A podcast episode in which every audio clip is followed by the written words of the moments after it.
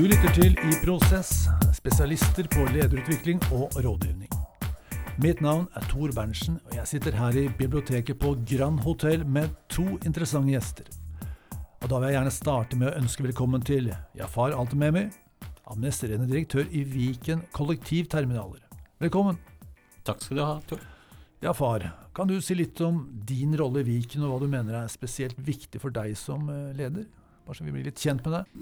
Min rolle er å være en administrerende direktør for et foretak som jobber med å levere en um, infrastruktur til uh, kollektivtrafikken. Både til uh, buss- og uh, ferjetrafikken. Ja. Det viktigste i min hverdag er å få flere til å reise eh, kollektiv, og at eh, mange eh, kan velge å la bilen stå, og heller finne veien til en behagelig holdeplass eller en terminal for å ta en, buss eller ferje. Bare for å få en helt presis forståelse av det du jobber med. Er det sånn at du har ikke bussene, men du har bussterminalen? Ja, vi har den infrastrukturbussene har bussoperatørene eh, som har det ansvarlig eh, for det, og det administreres av eh, Ruter. Ja. Som eh, administrerer alle kontraktene i, eh, i Oslo og eh, Akershus-området. mens vi har en infrastruktur, dvs. Si holdeplasser, terminaler, bryggeanlegg bussanlegg, innfartsparkering, sykkelhoteller, mikromobilitet osv. Akkurat. Så alt dette moderne greiene nå så, treffer deg? I tillegg til at alt det som ligger i sånn forretningsmessige områder eh, som, som er f.eks. altså eh, fasiliteter som de reisende trenger, bl.a. kafeer, eh, toaletter, eh, eh, kiosker osv. Og, så og foodtruck og sånt, da, ja. da, klarer vi å eh, håndtere det inhouse hos oss. Jeg skjønner. Så det er ganske omfattende, da. skjønner jeg. Mye logistikk og ja. ja vi, vi, skal betjene eh, 400 000 brukere hver eneste dag, og de skal være fornøyde. Eh, og det er den, den jobben som vi gleder oss til å gjøre hver eneste dag. Flotte greier. Da vil jeg gjerne ønske velkommen til vår andre gjest, Sonja Horn, administrerende direktør i Entra. Velkommen, Sonja. Tusen takk for det. Kan du si litt om Entra, hva du mener er spesielt viktig for deg i din rolle? Ja, først litt om Entra. Vi er jo et børsnotert selskap som jobber med utvikling av eh, kontorer, og da også byutvikling for å skape de eh, gode miljøene rundt kontorene. Ehm, og vår visjon det er jo å ha Eh, kontorer hvor de mest fornøyde menneskene jobber.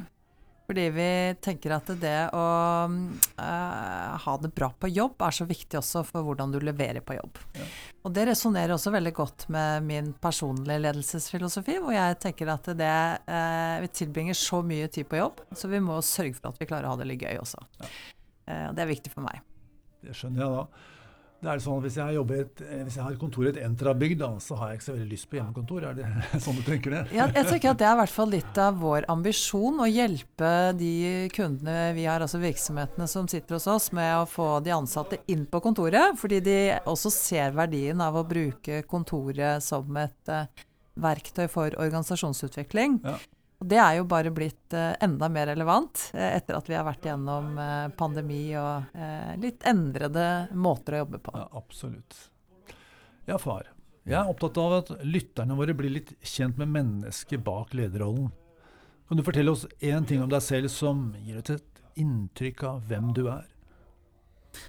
Det er jo en um person som er glad i uh, å nyte uh, byen og bruke byen veldig. Så er jeg jo et kafémenneske. det bringer faktisk mye av fritiden min i helgene og sånt, på kafeer og møte mennesker og ja, ha det gøy sammen med dem. Akkurat. Du er en urban type, med andre ord.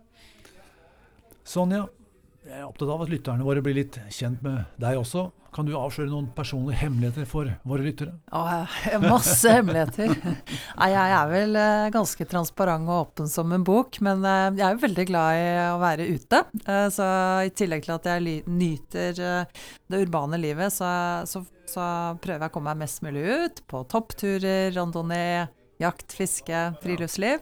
Hente mye energi der. Så bra. Mm. Ja, far. Jeg jobber jo med lederutvikling og rådgivning, og er litt nysgjerrig på hva du gjør for å utvikle deg selv i hverdagen.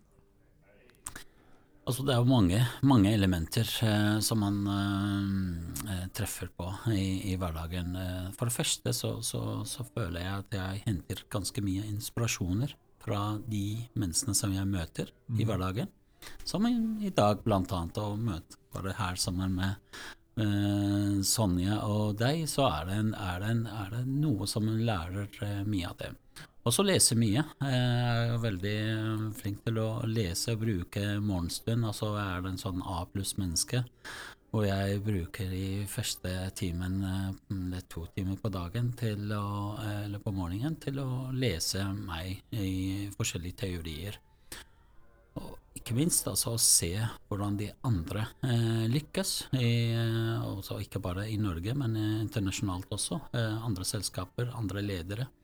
Eh, og hente, um, hente fram inspirasjon fra, fra, fra, det de gjør. Så. Mm, mm.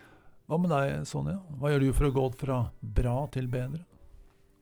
Ja, altså det er, jo, det er, jo, en utfordring det, eh, med tanke på at man eh, lever i en sånn hektisk hverdag. Så du blir veldig fort uh, bare sugd inn i hverdagen. Så det å klare å ta noen lommer og komme seg litt vekk og hente inspirasjon, prøver jeg å få til. Være med på litt samlinger eller faglige seanser.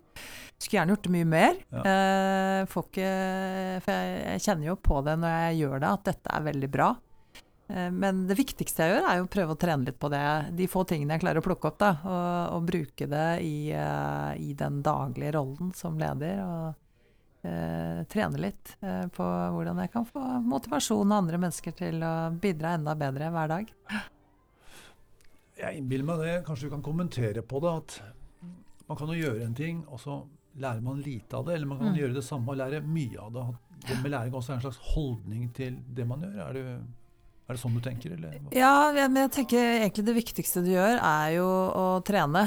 ikke sant? Altså, Istedenfor å gå på kurs og lære ti ting, ta med deg én ting og trene på det ti ganger. Ja?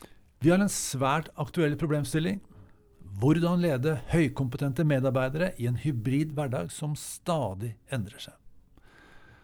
Og siden pandemien kom i, i 2019, så har jo vi eh, Eller var det 2020 den kom? 2020. Ja, 2020 den kom, men siden 2019, hvor verden var skal vi si, det vi kaller normal, ja. så har det jo skjedd voldsomt mye i, uh, i arbeidslivet. Um, hvordan har du uh, opplevd overgangen liksom, til det hybride arbeidet, både med organisasjonskultur og, og sånt, i, i din, din rolle, Sonja? For oss så har det jo vært eh, superrelevant, i og med at vi tross alt lever av kontoret. Ja. ikke sant? Så det er klart at eh, når vi får beskjed om at eh, alle kundene våre ikke får lov til å bruke produktet vi selger, så blir det jo litt, eh, litt spennende å forstå hva er konsekvensene for vår virksomhet. Eh, skal vi virkelig aldri jobbe på den måten igjen? Eh, du starter liksom der. men men uh, jeg, jeg, tror liksom hvis du tar uh, erfaringene tre år inn i en pandemi, da, så ser vi jo heldigvis at uh, det vi lærte, var jo at det er supermange muligheter i å jobbe digitalt. og den fleksibiliteten det gir, er utrolig verdifullt. Og det fungerer veldig bra for gitte oppgaver. Eh, og så ser man eh, også da at eh, behovet for å møtes fysisk er også blitt mye tydeligere, fordi man opplever at etter å liksom ha jobbet litt over lang tid da, digitalt, så blir man, får man utfordringer med å få til samarbeid, innovasjon, det som på en måte driver virksomhetene videre. Det forutsetter at det er noen relasjoner i bånd. Eh, trygghet i bånd, eh, som eh, forutsetter at vi møtes fysisk, da. Mm. Så heldigvis så er folk tilbake på kontorene. eh, og vi opplever at interessen for det vi kan hjelpe kundene våre med, da, nettopp det å skape de kontormiljøene som gjør at de ansatte velger å komme inn, er mye høyere oppe på agendaen til de fleste toppledere. Ja. Det var vel sånn Jafar, at før 2020, altså 2019 og verden fram til 2019, eh, så tok vi liksom at for gitt å jobbe på kontoret, for gitt at eh, arbeid og relasjonsbygging, det var Det, det skjedde samtidig. Kanskje til og med kulturbygging var det kanskje noen ledere som tenkte at eh, Ja, Det går jo litt av seg sjøl, for alle er jo her. Det blir jo kultur. Tar du masse mennesker i, en, i et rom, så blir det kultur av det. Mm. Kanskje ikke alltid den du ønsker, men noe blir det. Men så kommer 2020 med pandemi og greier, og så skjer det ting.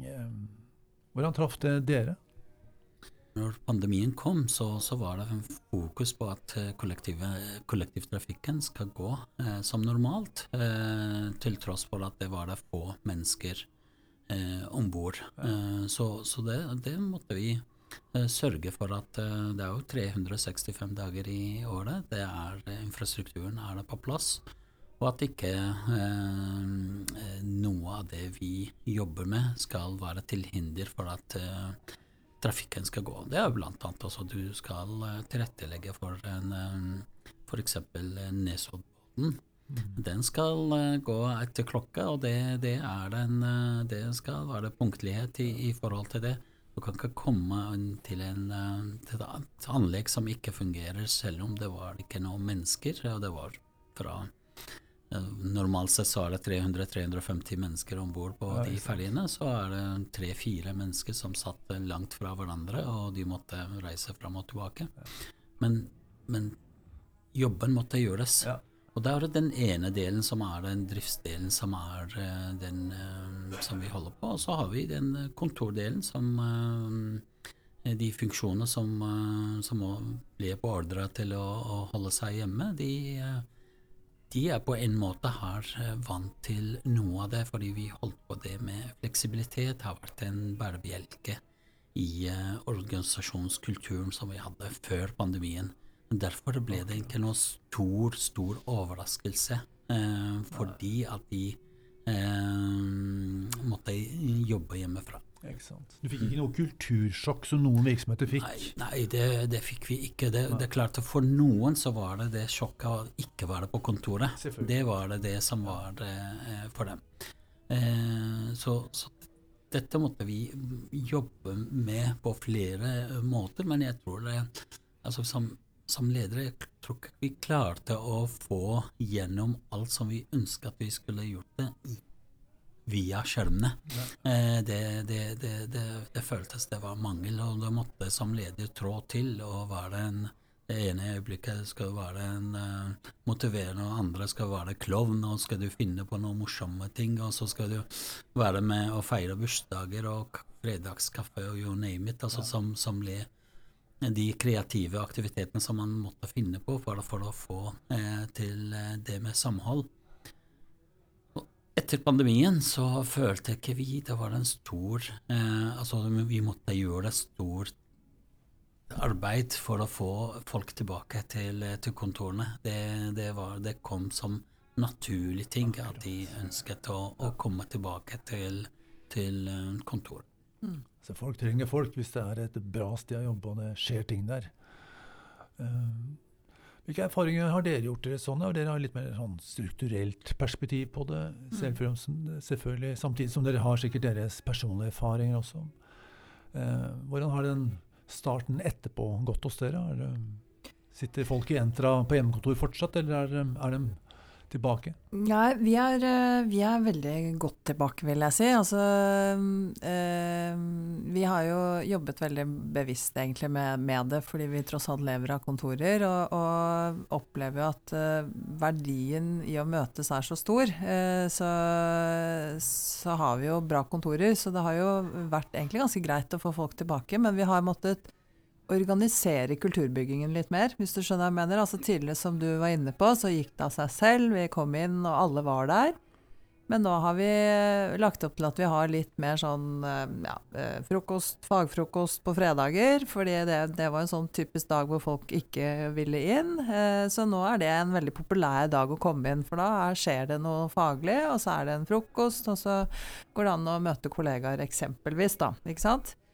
Uh, men jeg tror liksom uh, Den viktigste uh, erkjennelsen som vi egentlig eh, har gjort og jobbet mye med, er jo at hvis du på en måte går inn i den grunnleggende motivasjonsteorien da, som ligger til, egentlig til bunn for, for, alt vi driver med innenfor ledelse, så handler det jo veldig mye om at folk, folk er folk, de vil møte folk, men ja. også at man har behov for å liksom kjenne på en mestringsfølelse, en tilhørighet. At man er en del av noe større.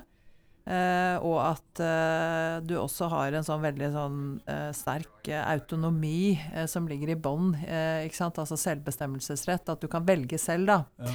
Um, og så ser vi at diskusjonene har gått mye på skal du på en måte tvinge de, de, ansatte inn, eller skal de få velge selv. Vi har valgt å gå veldig på det at du må velge selv. Du kan ikke eh, gå på bekostning av den autonomien. Eh, hvis jeg trenger å følge barna mine til legen en dag, så velger jeg kanskje å sitte hjemme den dagen. Da passer det litt dårlig at eh, firmaet har bestemt at jeg må sitte på kontoret akkurat den dagen. Da. Og det er ganske viktig, tror vi, for motivasjonen til folk flest, at det er frivillig, da. Ja. Og da uh, tror jeg at um, altså Vår tilnærming har jo vært da at vi må gjøre det attraktivt å komme inn. Du, du, kommer inn fordi du, du forstår at uh, det betyr mye for kollegaene mine at jeg er der. Uh, vi har snakket litt om dette hjemmekontorparadokset som uh, man også har skrevet litt om i forskningen, hvor hvis du spør Sonja som privatperson hva syns du om hjemmekontor, Nei, jeg syns det er helt supert. Og så spør du Sonja hva syns du om at kollegaen din sitter på hjemmekontor. Nei, det syns jeg ikke er så greit. Fordi at da må jeg på en måte løfte av røret og ringe han, eller liksom organisere den der kommunikasjonen. Og det tror jeg folk skjønner, liksom. At det at du er til stede for kollegaene dine, det betyr veldig mye, da. Ja, visst gjør det. Så det å gjøre de ansatte oppmerksomme på hvor viktig det er da, at man kommer inn, for at uh, vi skal få til samarbeidet, at vi skal klare å utvikle virksomheten vår videre og, og, levere på de målene vi har. Da. Det, det, har vi brukt mye tid på å kommunisere rundt. Det er ganske interessant hvordan før eh, 2020 så var dette bare selvfølge, og da hadde vi ikke noe andre perspektiver på det. Så det var liksom ikke noe, noe alternativ til å være på jobb. Mens nå så får vi bevissthet på at ja, det går an, men er, vi mangler noe. Og det lille, lille, eller mye vi mangler, det må vi bli flinke på, ekstra flinke på. Så kanskje det blir ekstra bra når vi møtes. Altså, det skjer noe med oss, da. Ja. Tenker du, Jafar? For at vi som arbeidsgiver også skal uh, være attraktive uh, for, for, arbeidstakere, så, så, må du jobbe mye med både fleksibilitet og kulturbygging.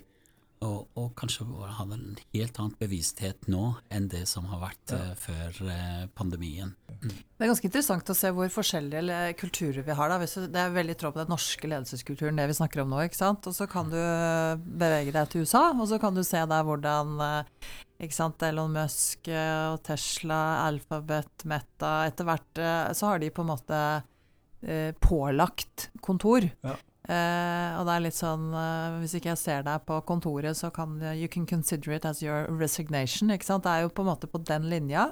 Mye tøffere arbeidsmarked og, og arbeidsforhold. Uh, men dette er jo tech-bedrifter som i starten var veldig liksom, pro det at ja, de ansatte kan jobbe fra hvor som helst. Og så ser de at det faktisk påvirker innovasjonstakten til selskapene. Og derfor må de ha de ansatte inn, og så gjennomfører de med tvang en annen ledelseskultur. da. Eh, så får vi se hvordan, hvordan, det fungerer. Det fungerer kanskje bra i USA, men jeg tror at i Norge, hvor vi tross alt har et veldig høykompetent og sterkt arbeidsmarked, hvor det er liksom, du har en arbeidsledighet på 3,5% så kan du ikke være like tøff i trynet da når du eh, skal få, få, motivert folk til å komme på jobb. Det er nok uh, vesentlige forskjeller i kulturen mellom USA og Norge. Som, det er ikke noe copy-paste. Uh, der, de siste 20 årene så er min opplevelse er at samfunnet har blitt mer individualistisk. Arbeidslivet har blitt mer spesialisert. Spes med, og med de to faktorene så vil graden av autonomi øke. Og Den har kanskje økt jevnt fram til 2020, og så plutselig fikk den en sånn ekstra boost. Mm. Um, er det riktig? Altså, far, opplever du at, at det er mer behov for autonomi i dag enn det var i 2019? Eller har det alltid Eller har det vært en gradvis utvikling hos dere?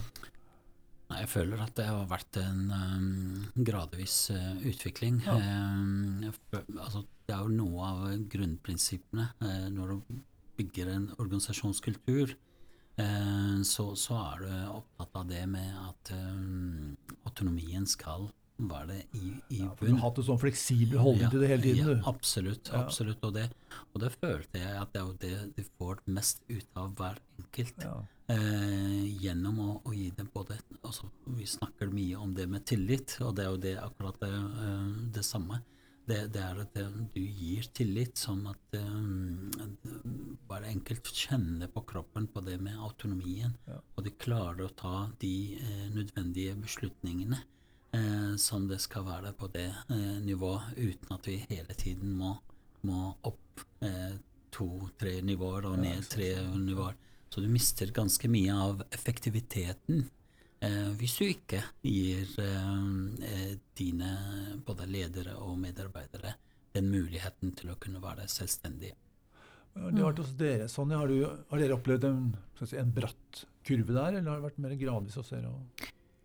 Nei, jeg, tror eh, det har vært eh, også hos oss fleksibilitet egentlig i alle år. Men jeg, jeg, tror, eh, jeg tror, på en måte det, det er en, et, et uh, taktskifte etter 2020 i forhold til at uh, det er en forventning fra de ansatte. Da, Når du rekrutterer uh, yngre folk i dag, eller ansatte i dag, så, så, er det litt sånn et premiss fra deres side at de kan jobbe mer fleksibelt. Ja.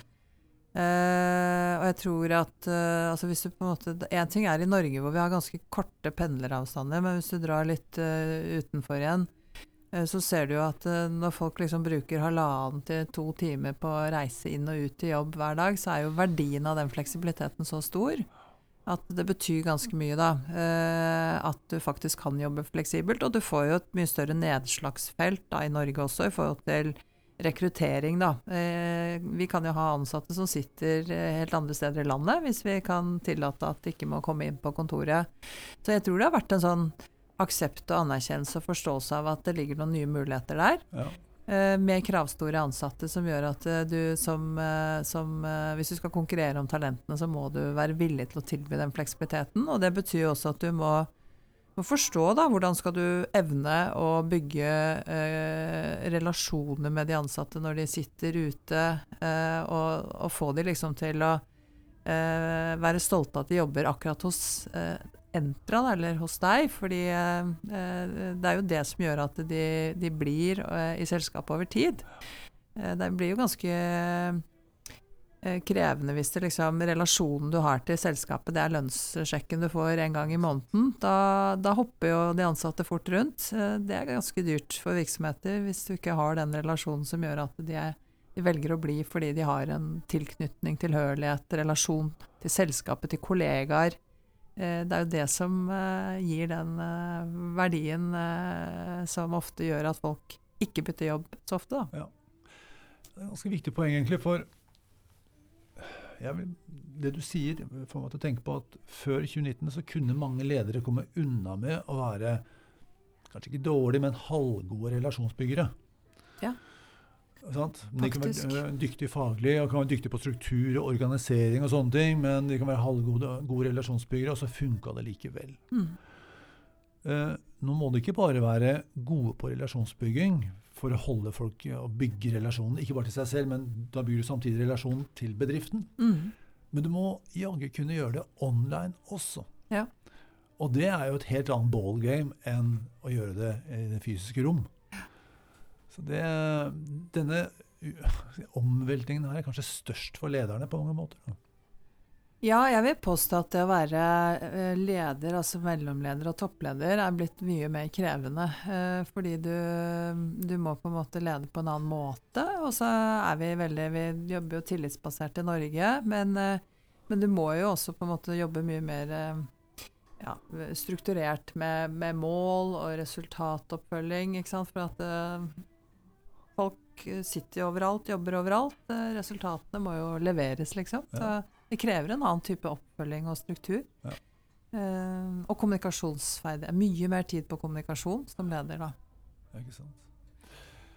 Ja, far. Um, siden du har jobbet med den fleksibiliteten i mange år, så er jeg litt nysgjerrig på hvordan, hvordan, hvordan preger dette din rolle? Er det sånn at du tar hjemmekontor, eller er du kulturbyggeren som alltid er på kontoret, som sørger for at alt er gøy å være der? Hvordan er dette? Ja, jeg tror det, er, det, det med hjemmekontor er um, ikke viktig for meg. Eh, gjennom hele pandemien så har jeg hatt fem dager totalt sett hvor det var, var på hjemmekontor. Ellers så fikk jeg en, var heldig at jeg fikk en dispensasjon ganske tidlig, for jeg hadde en, samfunnskritisk funksjon. Ja. Så jeg kunne um, komme inn på kontoret nesten hver dag. Eh, og og den veien til og fra kontoret, den hadde en stor verdi for meg. Eh, i, eh, jeg ser du smiler. Jeg, har følelsen av at du syns det var veldig veldig bra at du hadde den rollen. Men vi, sånn Jeg nevnte jo akkurat dette med å bygge relasjoner online. Vil du si at du har lært deg å bygge relasjoner online, eller har du bare satsa ja, alt på offline? ja, ja, så er jeg jo en sånn utprega relasjonsbygger og, og, er veldig glad i uh, Eh, både i mennesker og bygge relasjoner på forskjellige nivåer. Altså det, det er det hverdagen min eh, preges fra morgenen til eh, kvelden, er det å bygge relasjoner. Men det er klart det er, en, det er ikke til å stikke under stolen. Det er en utfordring å bygge en relasjon eh, via eh, altså 2D kontra å, å, møte mennesker og, og kjenne på, på det kroppsspråket. Og, men men likevel så klarte man å, å, ja, å bygge noen relasjoner, men, men, jeg må si det, på, det er ikke samme nivå som hvor du er eh, møter dem fysisk. Ikke sant. Jeg tør påstå at det at du Altså, du må på en måte ha en grunnleggende fysisk relasjon i bånd for å jobbe effektivt digitalt. Mm. Det så vi jo veldig godt uh, under pandemien. ikke sant? Det kom jo ut rapport på rapport om hvor effektivt vi jobbet i starten. Eh, det var jo superproduktivt å jobbe mm. på, på Teams og hjemmekontor. Eh, men det var jo selvfølgelig fordi at eh, vi hadde investert masse tid i fysiske relasjoner som gjorde at du visste nøyaktig hvem du skulle snakke med, og hvordan du skulle få tatt liksom, effektive mm. prosesser gjennom systemet. Mens over tid, da, når du skifter ut folk, det er ikke sant, 10% hvert år, det er gått tre år, det er 30 det som er ofte endret i et selskap.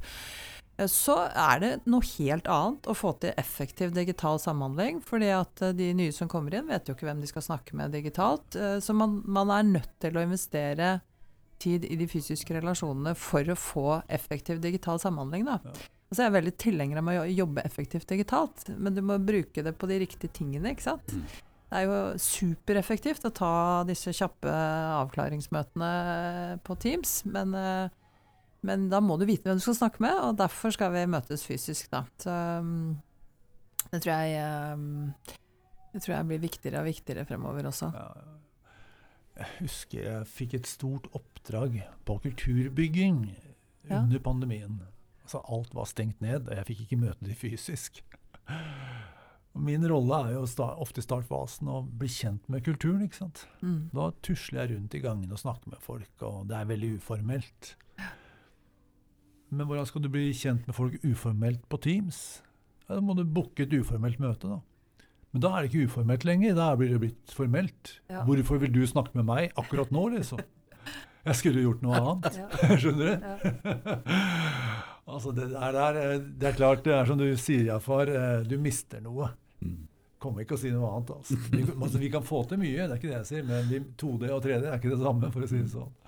Men det er jo litt sånn, bare for å kaste ut en helt annen dimensjon, da. Jeg var jo et paneldebatt etter pandemien hvor jeg ble eh, presentert eh, da som en dinosaur, ikke sant. Fordi at jeg har det tankesettet jeg har, hvor man må jobbe fysisk sammen, bli kjent for å klare å få til et godt samspill. Eh, og så kommer det yngre generasjoner med tech-folk inn som Ja, men vi har virtuelle chatrom, ja. Altså de sitter faktisk eh, rundt omkring i hele verden og jobber eh, med, med, med utvikling, IT-utvikling, ikke sant. Utviklere sitter rundt omkring, og så har de chatterom, virtuelle rom, hvor de egentlig jobber sammen fysisk selv, da. Ja. Så vi skal ha litt sånn der eh, øynene åpne litt, for det går faktisk an å jobbe uh, uformelt sammen. Uh, teknologisk, uh, digitalt. Men vi er bare ikke vant til det. da. Det krever jo veldig andre arbeidsprosesser enn det vi, vi har med oss i bagasjen. da. Jo, men jeg vil utfordre litt. Da. Ja. Eh, jeg er jo selvfølgelig enig med at det går an. Og jeg ser jo det at uh, mine barn f.eks. har uh, spilt spill og sånn, og så har de bygd relasjoner samtidig. Og ikke alle av de relasjonene. De fleste er nok også fysiske, men ikke alle er det. men nå er nå tech ganske praktisk og konkret oppgave. Hvis du skal lage en strategi som er litt mer utydelig, kanskje i hvert fall i startfasen, eh, så er det litt mer ullent det du skal snakke om. Eller hvis du skal utfordre noen da, emosjonelt fordi de ikke leverer godt nok eller jobber på riktig måte. Eh, den type samtaler eh, er ikke like lett å få til i en sånn, i en sånn arena. Nei. Men jeg skal være med på at alt er mulig. Men det krever nok veldig mye erfaring.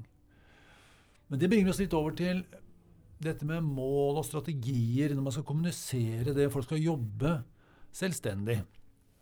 For jeg vil jo påstå det at selv om folk har lyst til å være autonome Autonome kan vi da oversette til selvstyring. Uh, så det har lyst til å gjøre det fordi at det gjør at du føler deg fri og kan liksom manøvrere litt uh, enklere i livet ditt, det er ikke det samme som at du er god til å lede deg selv mot mål. Nei. Det er noe helt annet. Mm. Og når da kommer, for Hvis du er på kontoret, så blir du styrt litt av kontormiljøet. Du får impulser, du, folk er lett tilgjengelig, du kan få ta små korrigeringer for å være på rett kurs. Og det er et arena hvor ingen forstyrrer deg med noe annet. Sitter mm. hjemme, så sitter du i oppvasken og skriker, ikke sant? eller unga kommer tidlig hjem fra, jobb, fra skolen osv. Uh, ehm, hvilke erfaringer har dere der på liksom, presisjonsnivået på mål, eh, oppgaver, eh, tidsfrister. Er det noen endringer der som dere har erfart? Generelt så vil jeg vel si at uh, hvis du skal uh, ha en, uh, en, bedriftskultur som er basert på tillit, så er du egentlig avhengig av å sette veldig tydelige mål og gi retning, sånn at alle vet hva de skal levere på. Og så er det jo veldig individuelt hvordan folk jobber best, da. Jeg tror litt, litt av kanskje utfordringen som vi har hatt med oss uh, historisk, egentlig fra liksom det første kontoret ble laget som et sånt uh, massivt produksjonsmiljø, til at vi gikk over til cellekontorer, til at vi tvang alle ut i åpne landskap, og, og nå liksom er det activity-based, er basert på at vi alle, alle er like, og det er vi jo ikke, ikke sant? Så det å på en måte tvinge en person som har behov for å sitte i, eh, i stillhet eh, og jobbe eh, konsentrert ut i et åpent landskap hvor det sitter en gjeng og kakler, det er ikke veldig effektivt. Det funker ikke bra. Så, så, jeg tror man også må erkjenne at noen av de kontormiljøene som vi har utviklet over tid, har jo vært basert på at alle skal passe inn i én tvangstrøye. Ja. Mens vi må faktisk eh, egentlig stoppe opp og, og forstå da, hva, hva, er egentlig arbeidsoppgavene som skal løses.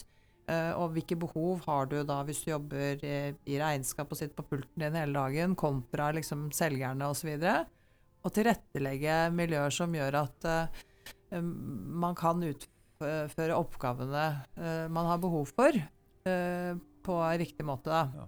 Så det tror jeg er en sånn uh, viktig erkjennelse som vi må gjøre. At vi kan ikke designe et kontor for alle lenger, men uh, forstå, forstå, arbeidsprosessene og behovene til den enkelte virksomhet bedre uh, før man på en måte programmerer ut kontoret. Da. Ja.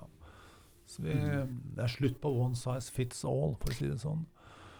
Ja, jeg tenker at uh, det er verdt å stoppe opp og tenke litt over det, i hvert fall. Altså er det ikke sånn at de fleste virksomheter er jo ganske like. Uh, men det er jo mengden du skal ha av det ene, altså mengden med konsentrasjonsarealer kontra prosjektarealer osv. kan være ganske ulikt. Ja. Det er litt perspektiv på dette, Jafar. Dette med at folk må lede seg selv. Du kan ikke lede menneskene. altså Det handler om mennesker. altså Du kan ja. ikke lede dem på samme måten. Ja. Og så sier nå er jeg en, Alle som jobber i staben skal behandles på samme Altså det skal ledes på samme måten. Du skal eh, tilpasse til eh, hver enkelt. Det er jo det er jo mennesker eh, det handler om. Noen er introvert, andre er ekstrovert. Du kan ikke bare sitte på kontoret ditt og forvente at du får eh, eh, på en måte bygd en kultur eller, altså, eller motivert folk på samme måten som du gjorde tidligere. Du må være til stede. La oss spekulere litt om framtiden. Jeg er litt nysgjerrig på hva, hva, ser dere for dere? Det har jo skjedd altså Fra 2019 av, jeg syns verden gikk liksom gikk i normalt tempo ett skritt av gangen fremover. Og så kom 2020, og så ble alt annerledes. Og nå Eh, nå går det kanskje fortere enn noen gang. På visse områder er det i hvert fall veldig ustabilt også. Men hva tenker vi innenfor dette området, altså det hybride arbeidslivet? Hva ser vi for oss om fem eller ti år? Er det sånn at man kan eh, ta deg først, Sonja. Ser du for deg at det blir omtrent den miksen vi har nå, med noen små justeringer? Eller ser du for deg at det blir litt enda større greier? Hva, har du noen fantasier om dette?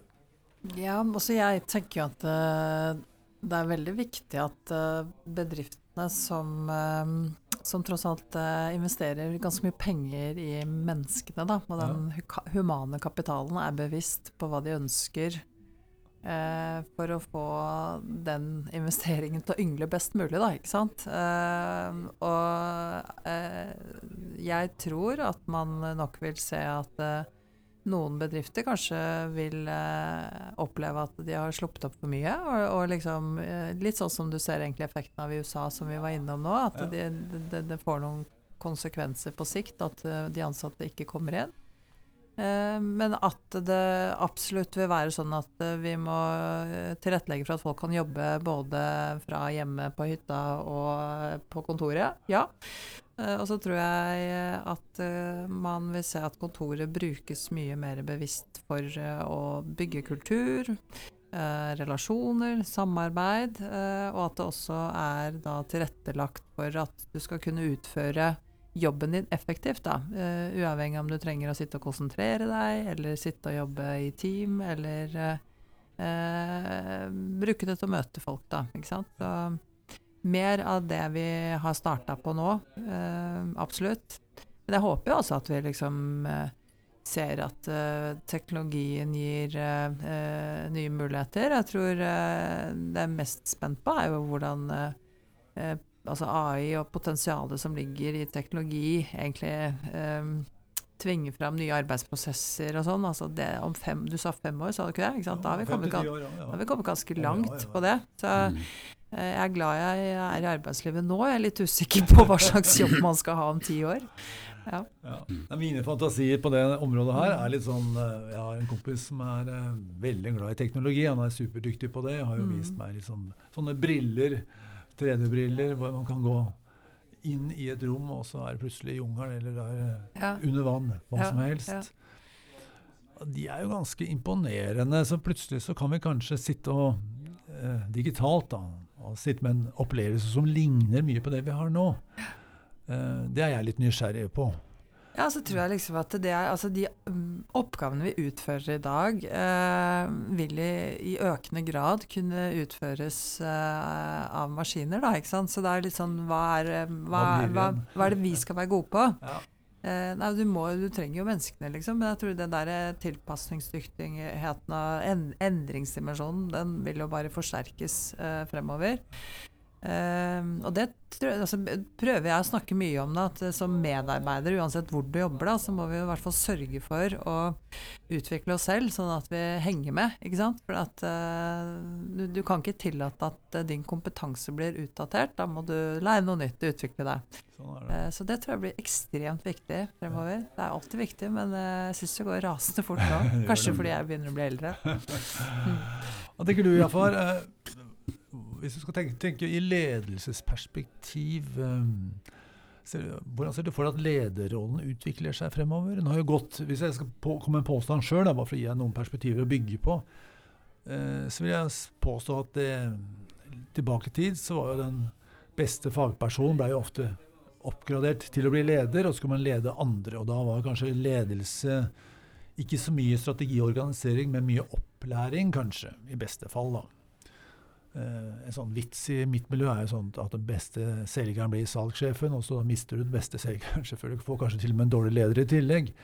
Men det har vært uh, mye, en sterk tradisjon for dette. Og så har vi gått over nå til å bli mer kulturbyggere, som du representerer. ikke sant? Menneskekjenneren. Uh, du skal fantasere litt om framtiden, nærmeste fem eller til og med ti årene. Hva, hva ser du for deg? Ja. du kan ombestemme deg i morgen. ja.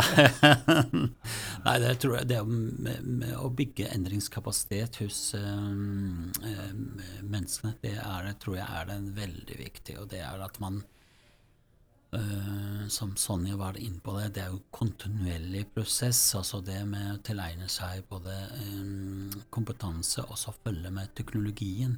Så hvor, også, som leder så må du kunne um, tilegne deg også um, kunnskap og, om hvordan du skal lede mennesker med, med høy teknologisk eh, kompetanse. Ja. Eh, det, det, det, det, er en, en, eh, noe som man må tenke på det som, som, leder, og ikke ta alle under samme kam, og så skal du håndtere det på, på samme måten som man har gjort tradisjonelt sett. Så det å tilegne seg kompetanse for å kunne gjøre det, Eh, altså, og da snakker jeg om lederen. Eh, det er veldig, eh, veldig viktig. Men, men, i forhold til organisasjonen så er det at man jobber kontinuerlig med oppdatering og eh, sørger for at tilførsel eh, eh, skjer også balansert mellom de menneskene som er i organisasjonen, og noen nytt blod som du får inne i, i organisasjonen. Sånn at, at, du har den miksen, og at ikke man mange som baserer seg på at ja, men det kan jeg ansette flere folk uh, inn i bedriften som har den kompetanse, og så glemmer man det man har. Eh, den kapitalen som man har, at man ikke får maks, makse eh, ut det, det, det, de, hva du kan få ut av de medarbeidere, ledere som du har i bedriften. Så en god miks, eh, tenker jeg det ville hva det prega eh, fremtiden. Mm. Eh, det, det, det, tror jeg. Det du beskriver er en ganske kompleks og sammensatt lederrolle. På ene siden så sier du at eh, de må utvikle endringskapasitet. I mitt hode da så skal du være ganske dyp menneskekjenner for å få til det. Og den vil jo være veldig individualistisk, uh, forstår jeg. Så skal du i tillegg utvikle organisasjon, strategi, prioriteringer og se dynamikken mellom disse områdene. Det er uh, mange spennende oppgaver for ledere i framtiden, så vidt jeg forstår. Absolutt. Da blir vi ikke arbeidsledige. Sonja, hvis alt går slik du ønsker de neste seks månedene, hva har du oppnådd da? Nei, altså Jeg uh, syns jo det er superspennende å møte virksomheter nå som står midt i den der um, vurderingen av hva de skal gjøre med hybride, hybride arbeidslivet, og hvordan det, det, påvirker valgene deres i forhold til kontor. Så jeg mm. håper at vi har hjulpet uh, mange virksomheter med å gjøre gode valg. Uh, det på seks måneder går jo fort, da. Så hvis vi har gjort uh, noen gode kontorprosjekter for noen av kundene våre da, så skal vi være godt fornøyd. Okay. Mm. Ja, far. Hvis alt går slik du ønsker de neste seks månedene, hva har du oppnådd da? Altså, vi er midt i et sånn eh, skifte fra eh, Viken til, over til, eh, til Akershus. Eh, og det er det klart det er mye nytt som, som, skal være på plass. Vi har en stor ambisjon om å, om å utvide eh, vårt ansvarsområde. ta på oss større oppgaver. Eh, og, eh, og det, det, håper at virkelig at i, i eh, de nærmeste månedene klarer vi å få til en, en god del beslutninger som, som, kan føre til at vi drar stort nytte av stordriftsfordelene. Ja. Da er vi nødt til å avslutte. Hensikten med denne refleksjonen er økt bevissthet. For vi tror at det du er bevisst, kan du gjøre noe med, det du ikke er bevisst, gjør noe med deg. Hvis du som hører på oss ønsker at vi skal styrke din bevissthet ved å invitere spesielle gjester eller belyse spesielle problemstillinger, kan du sende oss en e-post til post at iprosess.no. Da sier jeg takk til våre gjester. Takk, jeg far. Takk, Sonja. Takk. Takk til deg. Hyggelig å være her. Takk til våre lyttere, og på gjenhør. Hei, det er Tor Berntsen her. Jeg vil gjerne ha din oppmerksomhet litt til. Jeg har nemlig noe du trenger. Som du vet, jobber vi med lederutvikling. Og tradisjonelt har det vært å utvikle ledergrupper eller gjennomføre lederprogram på konferansehotell. Gjerne kombinert med coaching på ditt eller mitt kontor. Det gjør vi fortsatt. Men nå har vi online lederprogram som gjør at du kan utvikle deg selv og dine ledere uten en ekstern konsulent, eller med bare litt støtte. Hva betyr det for deg som leder? Jo, to ting. Du kan utvikle mange mennesker samtidig, og prosesser som tidligere ville tatt mange år, kan gjennomføres i løpet av uker og måneder. Det andre er kostnadsbildet. Det kan reduseres med 90% eller du kan få ti ganger så stor gjennomslagskraft til samme pris. Mulighetene er mange. Gå til iprosess.no, eller enda bedre, ta kontakt på post at iprosess.no. Så kan vi avtale en prat om hva som passer for deg og din virksomhet. Vi snakkes.